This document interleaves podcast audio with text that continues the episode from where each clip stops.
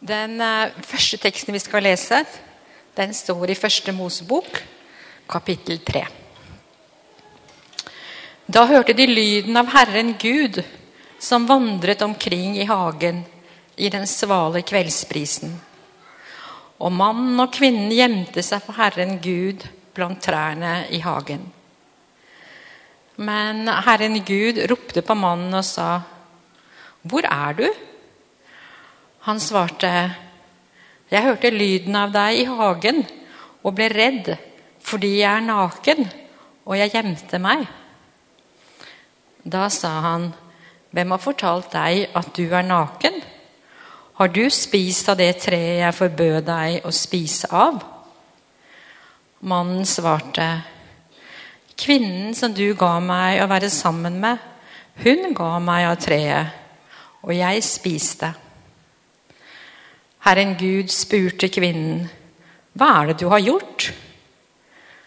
Kvinnen svarte, 'Slangen narret meg, og jeg spiste.' Da sa Herren Gud til slangen, 'Forbannet er du, utstøtt fra alt fe og alle ville dyr, fordi du gjorde dette.' På buken skal du krype og støv skal du spise alle dine levedager. Jeg vil sette fiendskap mellom deg og kvinnen, mellom din ett og hennes ett. Den skal ramme ditt hode, men du skal ramme dens hæl.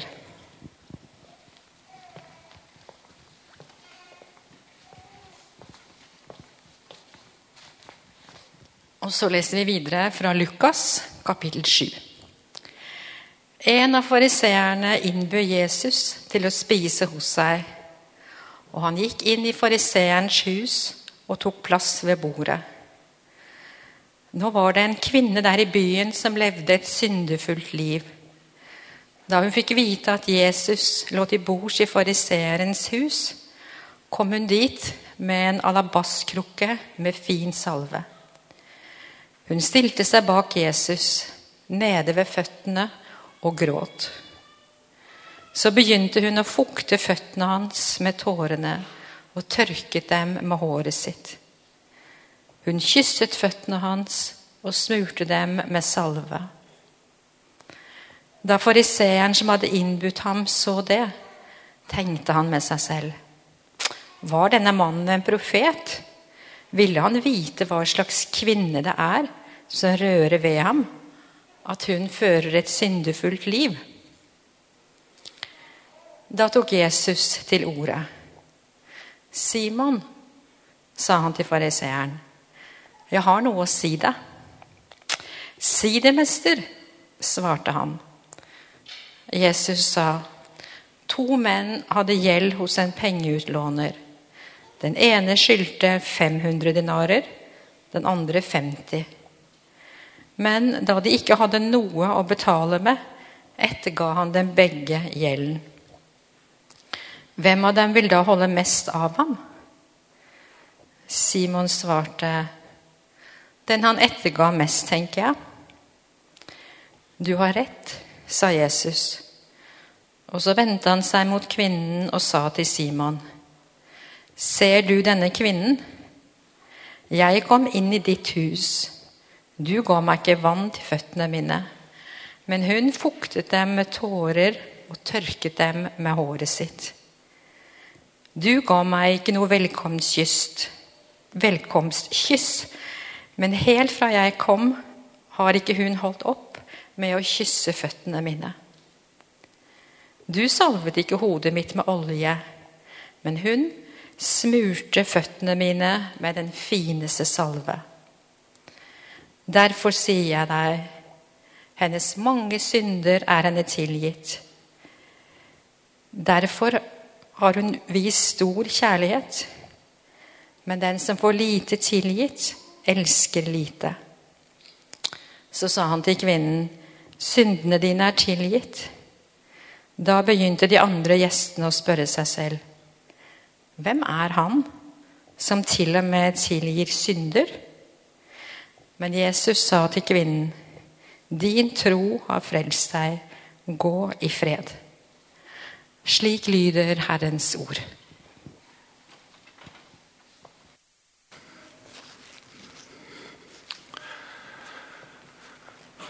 For mange år siden var jeg i svømmehallen med min nevø.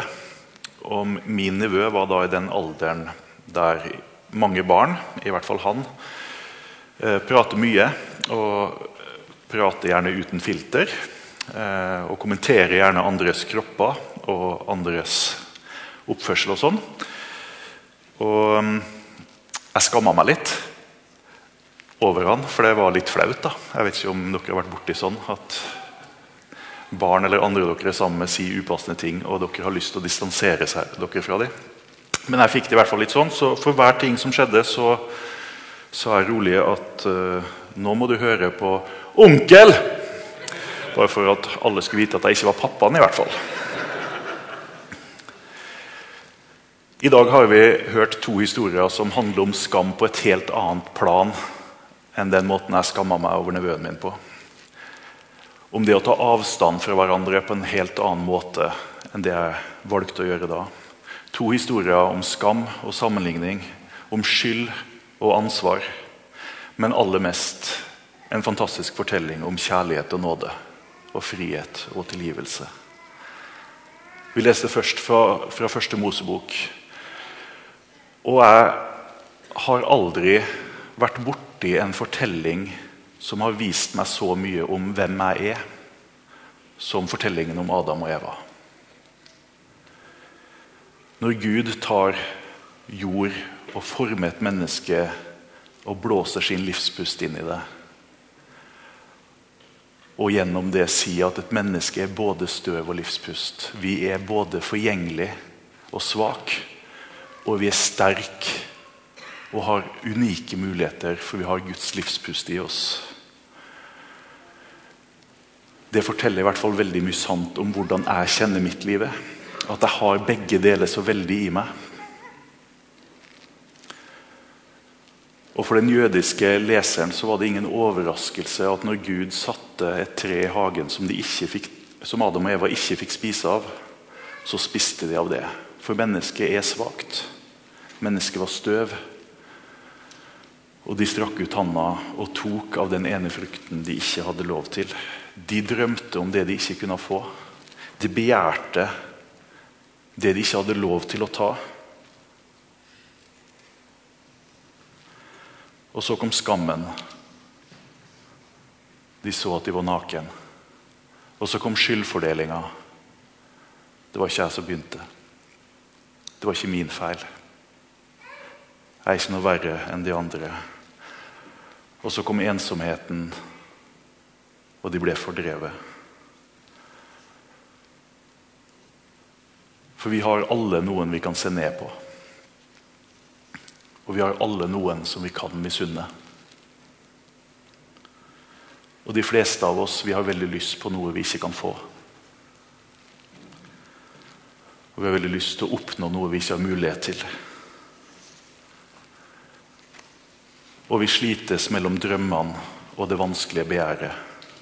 Vi slites mellom det som bringer oss liv, og det som bringer oss skuffelse. Mellom ensomhet og fellesskap, mellom misunnelse og gleden over vår neste. Mellom tillit til Gud og en fortvilelse over fraværet av Gud. For vi lever alle med en virkelighet der vi er samtidig syndere og rettferdige. Vi er støv, og vi er livspust. Vi har gode drømmer som bringer oss fremover i livet. Som vi ikke helt klarer å skille fra de vonde drømmene som ødelegger for oss. Vi lever i en verden som er en gave til oss gitt av Gud, men som samtidig er en ond og fal verden. Vi er støv og livspust. Vi dras mellom liv og død. Vi dras mellom det som gir fellesskap, liv og gudsnærvær, og det som isolerer, ødelegger og gjør ensom. Og så er vår tro at Jesus setter fri. Vår tro er at Guds rike er en annen virkelighet, der fellesskap er viktigere enn berømmelse. Der Gud er større enn rikdom, og der kjærlighet overvinner hat. Der lyset overvinner mørket. Og vår historie i dag viser at møtet med Jesus endrer liv. At hans kjærlighet overvinner alt det vi sitter fast i. At møtet med han tilgir synd, opphever forskjeller og gir nytt liv. Skuespiller Jim Kerry har sagt skulle ønske alle fikk oppleve rikdom og berømmelse, og å få gjøre alt de noen gang har drømt om, så de fikk se at det ikke var svaret. Eller for å si som Paulus om jeg ikke har kjærlighet, eller som Jesus sa, hva gagner det et menneske om han vinner hele verden, men tar skade på sin sjel? En fariseer inviterer til gjestebud, og Jesus blir invitert. Og Vi vet egentlig ikke hvorfor Jesus blir invitert.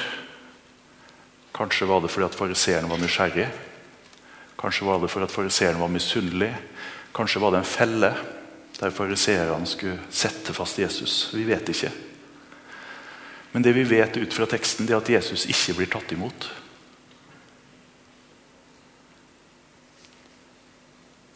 For hvis Jesus hadde blitt tatt imot som den gjesten han var, så hadde han blitt møtt med kyss. Da hadde han blitt møtt med i hvert fall muligheten til å få vaska sine føtter etter en lang dag i sanda. Og han hadde fått olje til å vaske ansiktet og håret med. Jesus ble ikke tatt imot på en god måte. Fariseeren ga han ikke noe kyss. Han ga han ikke vann til å vaske føttene, og han salva ikke hodet hans så han fikk vaska seg. Men Jesus legger seg ned og deltar i måltidet. Og så dukker kvinnen opp og begynte å gråte.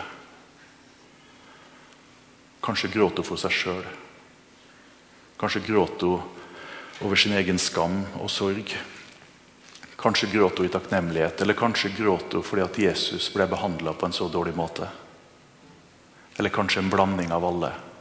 Det eneste vi vet, er at hun gråt, og at tårene rant, og tårene var nok til at Jesu føtter ble våt og så løsna hun håret sitt. Og Her reagerer jo ingen på at noen løsner håret sitt. Her sitter jo alle damene med løst hår. omtrent. Men en kvinne på den tida skulle ikke vise seg ute med løst hår. Håret skulle dekkes til. Som vi kjenner fra mange muslimske kulturer i dag. At håret vekker mannens begjær og skulle ikke vises til andre enn ektemannen. Mens denne kvinnen løsna håret sitt og lot det falle over Jesu føtter og vaska føttene med det. Og kyssa føttene til Jesus og salva føttene med Jesus til Jesus.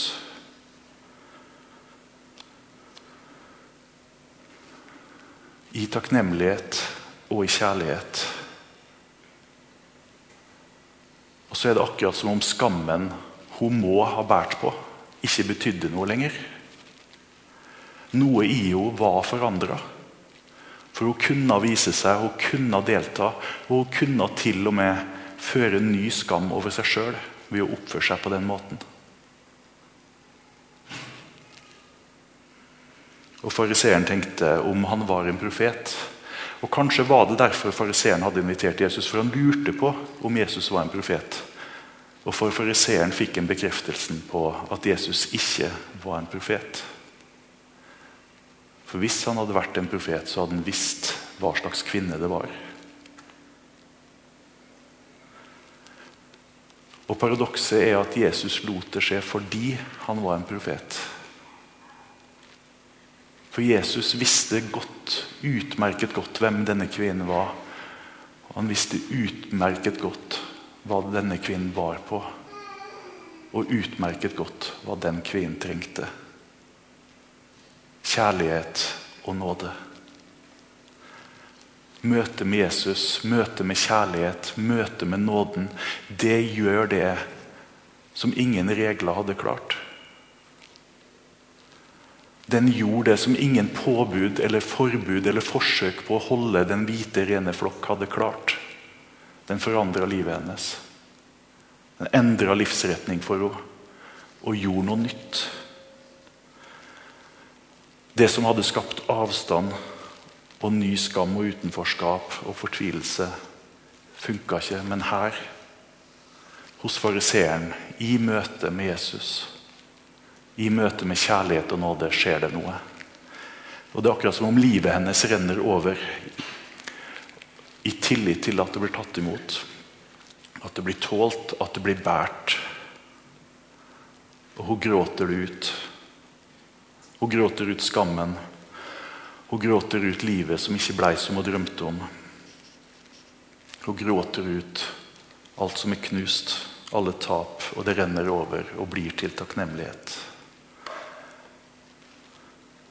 Den som har fått lite tilgitt, elsker lite. Og Poenget eller sjokket i fortellingen er jo ikke lignelsen som Jesus forteller, for den er selvforklarende. Men det er tilgivelsen som er sjokket. At noen har makt til det. At noen kan slette, at noen kan sette til side, at noen kan gjøre nytt det som er ødelagt.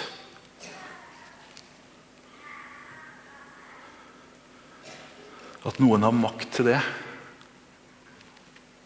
Og at det gode liv som fariseeren levde, ikke satte fri. Men det ødelagte livet, det kan gjenopprettes og føre til frihet. Synd tilgis av møtet med Jesus. Møtet med Jesus, møtet med kjærligheten og nåden gjør noe som alle regler, alle forbud, alle påbud ikke makter. Det forandrer liv. Jesus sier til fariseeren, 'Jeg kom, og du ga meg ikke kyss.'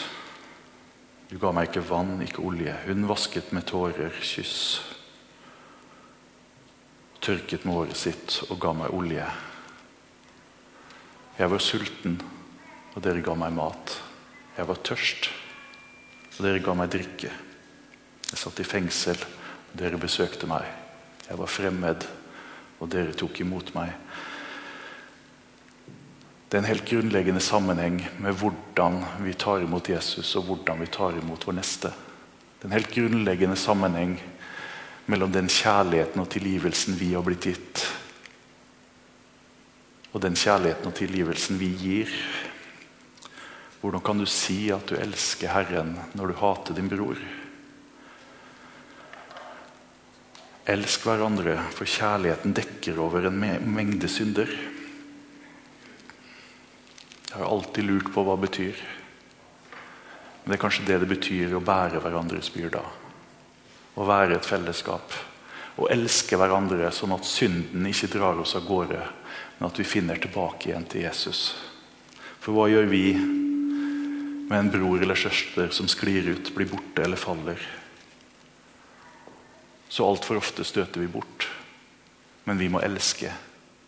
Vi må elske og vise kjærlighet. Så vår bror eller søster kan vende tilbake til Kristi kjærlighet. For vi er alle i samme båt. Vi er alle tatt imot i kjærlighet.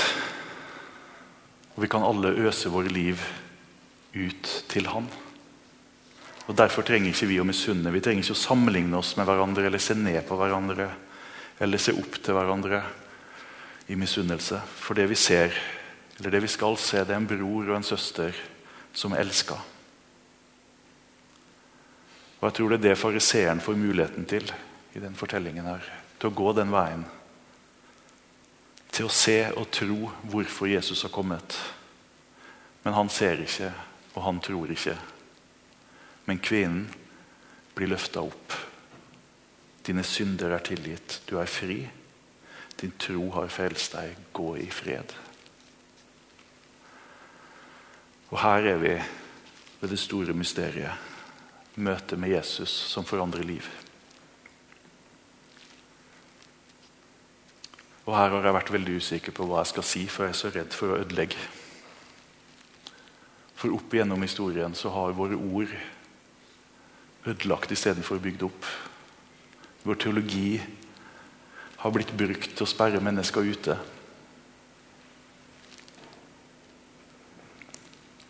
Og det kan så fort misforstås, så folk blir trykt ned istedenfor løfta opp. Og I den teksten her så er det ingen forklaring eller oppskrift. I teksten er det ikke engang noe synsbekjennelse. Og Vi kan tenke at hun har møtt Jesus før, og der hadde vi sikkert en sånn ordentlig synsbekjennelse og synstilgivelse. Men det eneste vi vet, er at hun kommer til Jesus, og hun gråter ut sitt liv. Og hun er tilgitt. Hun viser takknemlighet og kjærlighet ifølge Jesus før Jesus sier dine synder er tilgitt. Det møtet med Jesus som helbreder, det møtet med Jesus som gir tilgivelse og nåde, som endrer liv. Hun kom i tillit. Din tro har frelst deg. Hun kom med tro, i tillit og håp til at Jesus kom til å ta imot, kom til å forandre hennes liv. Gi henne nytt håp. Og møtet med Jesus forandra livet hennes. Og dette er kjernen i min tro. Det er kjernen i det jeg holder fast ved. At møtet med Jesus forandrer menneskers liv. At møtet med Jesus har potensialet i seg til å sette ny retning, nytt liv, ny kraft, nytt håp, ny mot. At han kommer til oss og forandrer oss. Sånn som denne kvinnen her fikk sitt liv forandra. Sånn som kvinnen ved brønnen fikk sitt liv forandra. Sånn som Paulus fikk sitt liv forandra når Jesus møtte ham på veien til Damaskus. Sånn som mitt liv har blitt forandra av møtet med Jesus. Og sånn som møtene med Jesus fortsetter å forandre meg. Og så kan jeg tenke hva er det egentlig som forandra seg? Dagen etter, når kvinnen våkner opp hjemme, og hun fortsatt er utstøtt, som hun sannsynligvis fortsatt var. Når hun fortsatt blir satt ned på. Og de ytre omstendighetene var de samme. Så var likevel alt forandra. Så hadde hun allikevel fått nytt liv så hadde hun allikevel fått ny kraft. Nytt håp.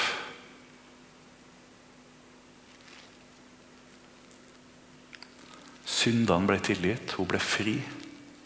Hun fikk et nytt liv av å møte Jesus, av å møte kjærligheten, av å møte nåden. Og Denne historien her, der fyller meg med en lengsel. Og jeg kan tenke hvorfor får ikke jeg et sånt møte med Jesus? Hvorfor er det noen ting hos meg som aldri slipper helt taket? Noe jeg ikke klarer å legge helt fra meg, eller noe som gjør at jeg ikke får helt fred.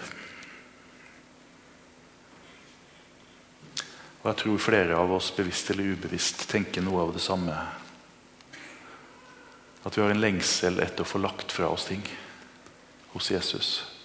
Å få et møte med Jesus som setter oss fri som gir oss fred. Og det Gud møtte meg med gjennom den uka jeg har forberedt meg, det var to ting.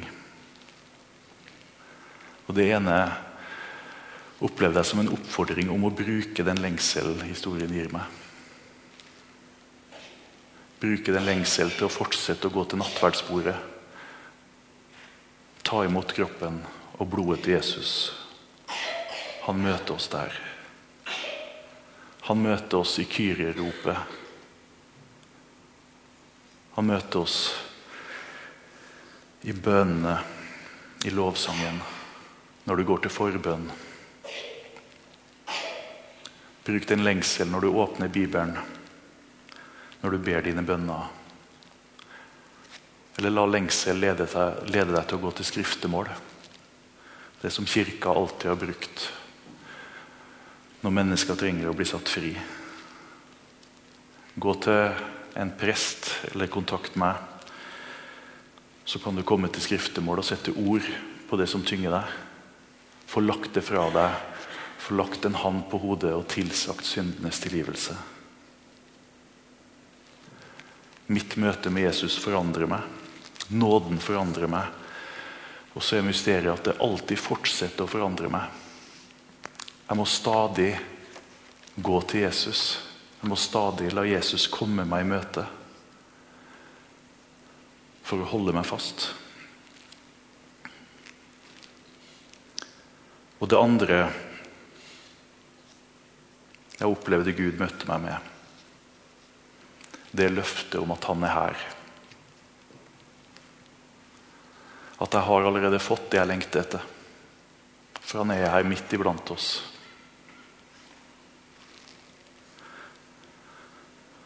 Så gå til han.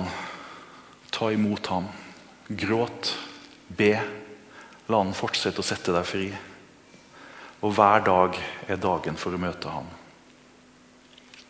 Men kanskje er dagen i dag dagen da du erfarer at dine synder er tilgitt. At du blir fri. For Vi bærer på ulike ting. Vi bærer på skuffelser, på skam, på skyld, fortvilelse. Og Jeg har så altfor mange ganger tenkt at det her får jeg ikke tilgivelse for.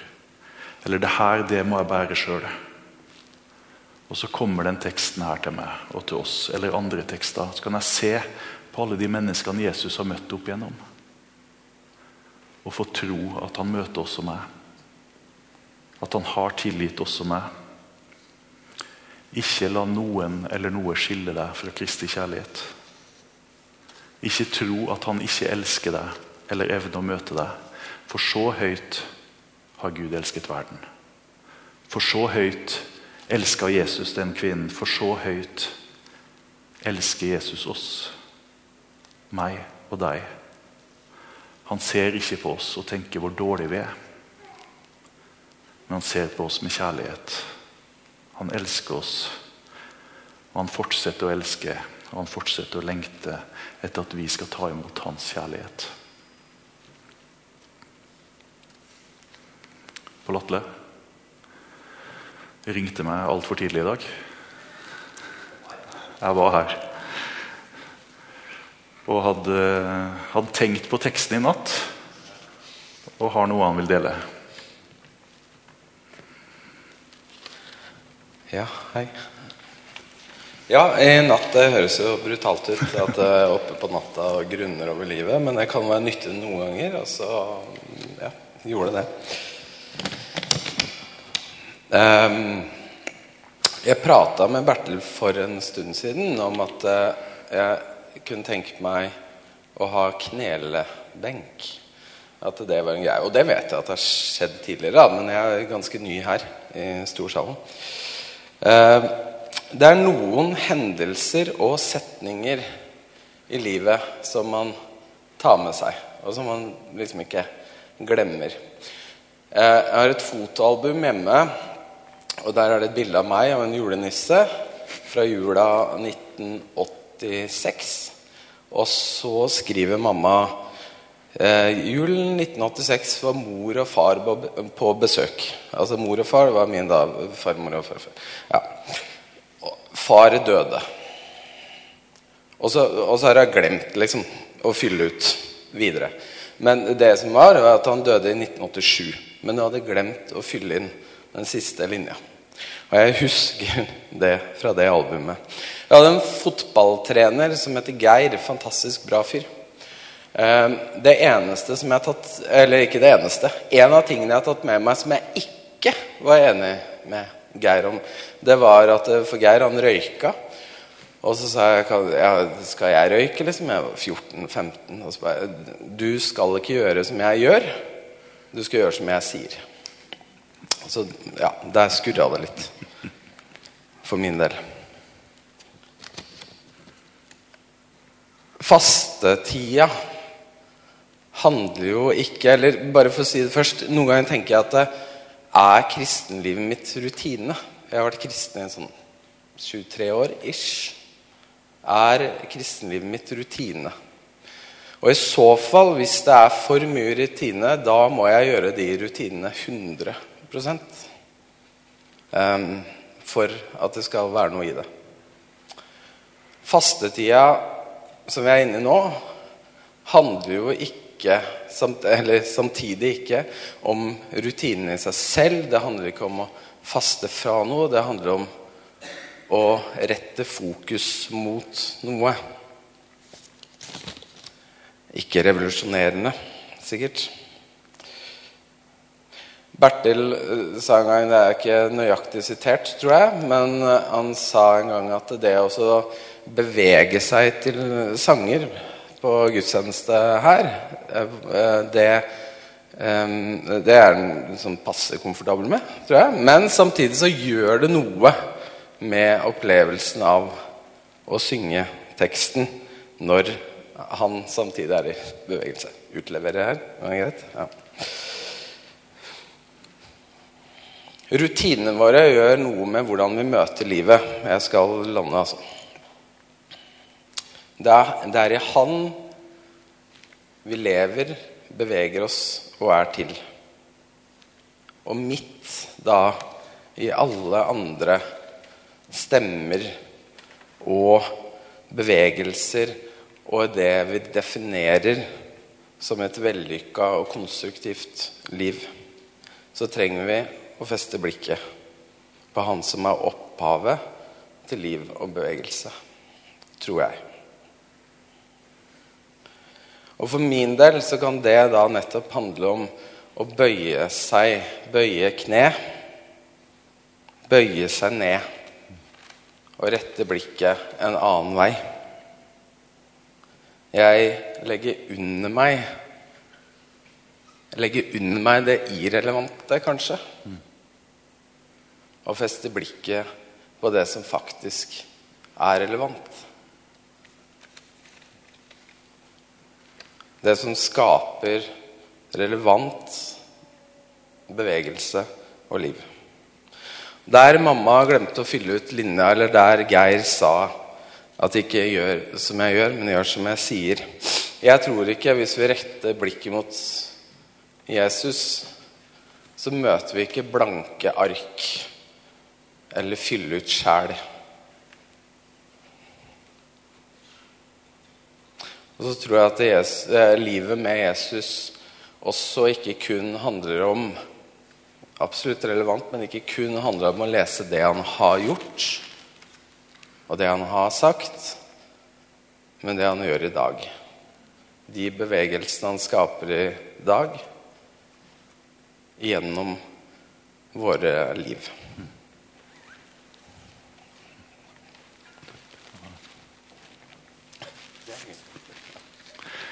Takk skal du ha. Vi skal bruke tid til å lytte til hva Gud sier til oss, hvor han leder oss hva vi skal legge fra oss. Lovsangstime, eller Harald og Camilla leder oss i lovsang. Det er mulighet for forbønn bak i hjørnet der. Du kan skrive en bønnelapp og legge i krukka under bildet der. og Det blir bli bedt for uka som kommer. Du kan dyppe fingrene dine i dåpsvannet og risse opp korstegnet. Du kan tenne et lys i globen, eller du kan legge fra deg en stein som et symbol på en bekymring på korset. Her fremme blir det i dag ikke velsignelse, men her kan du komme og knele ned og så vil jeg si absolusjonen over deg. Etter vår Herre Jesu Kristi ord befaling tilsier jeg deg alle dine synders nådige forlatelse. I Faderens, Sønnens og Den hellige ånds navn. Der kan du komme, og Før du kommer dit, hvis du ønsker, så kan du jo tenke gjennom hva du vil bekjenne, hva du vil legge fra deg. Og så komme fram og få tilgivelsen sagt over deg. Den oppstandende og levende Jesus Kristus er midt iblant oss. Så la oss be.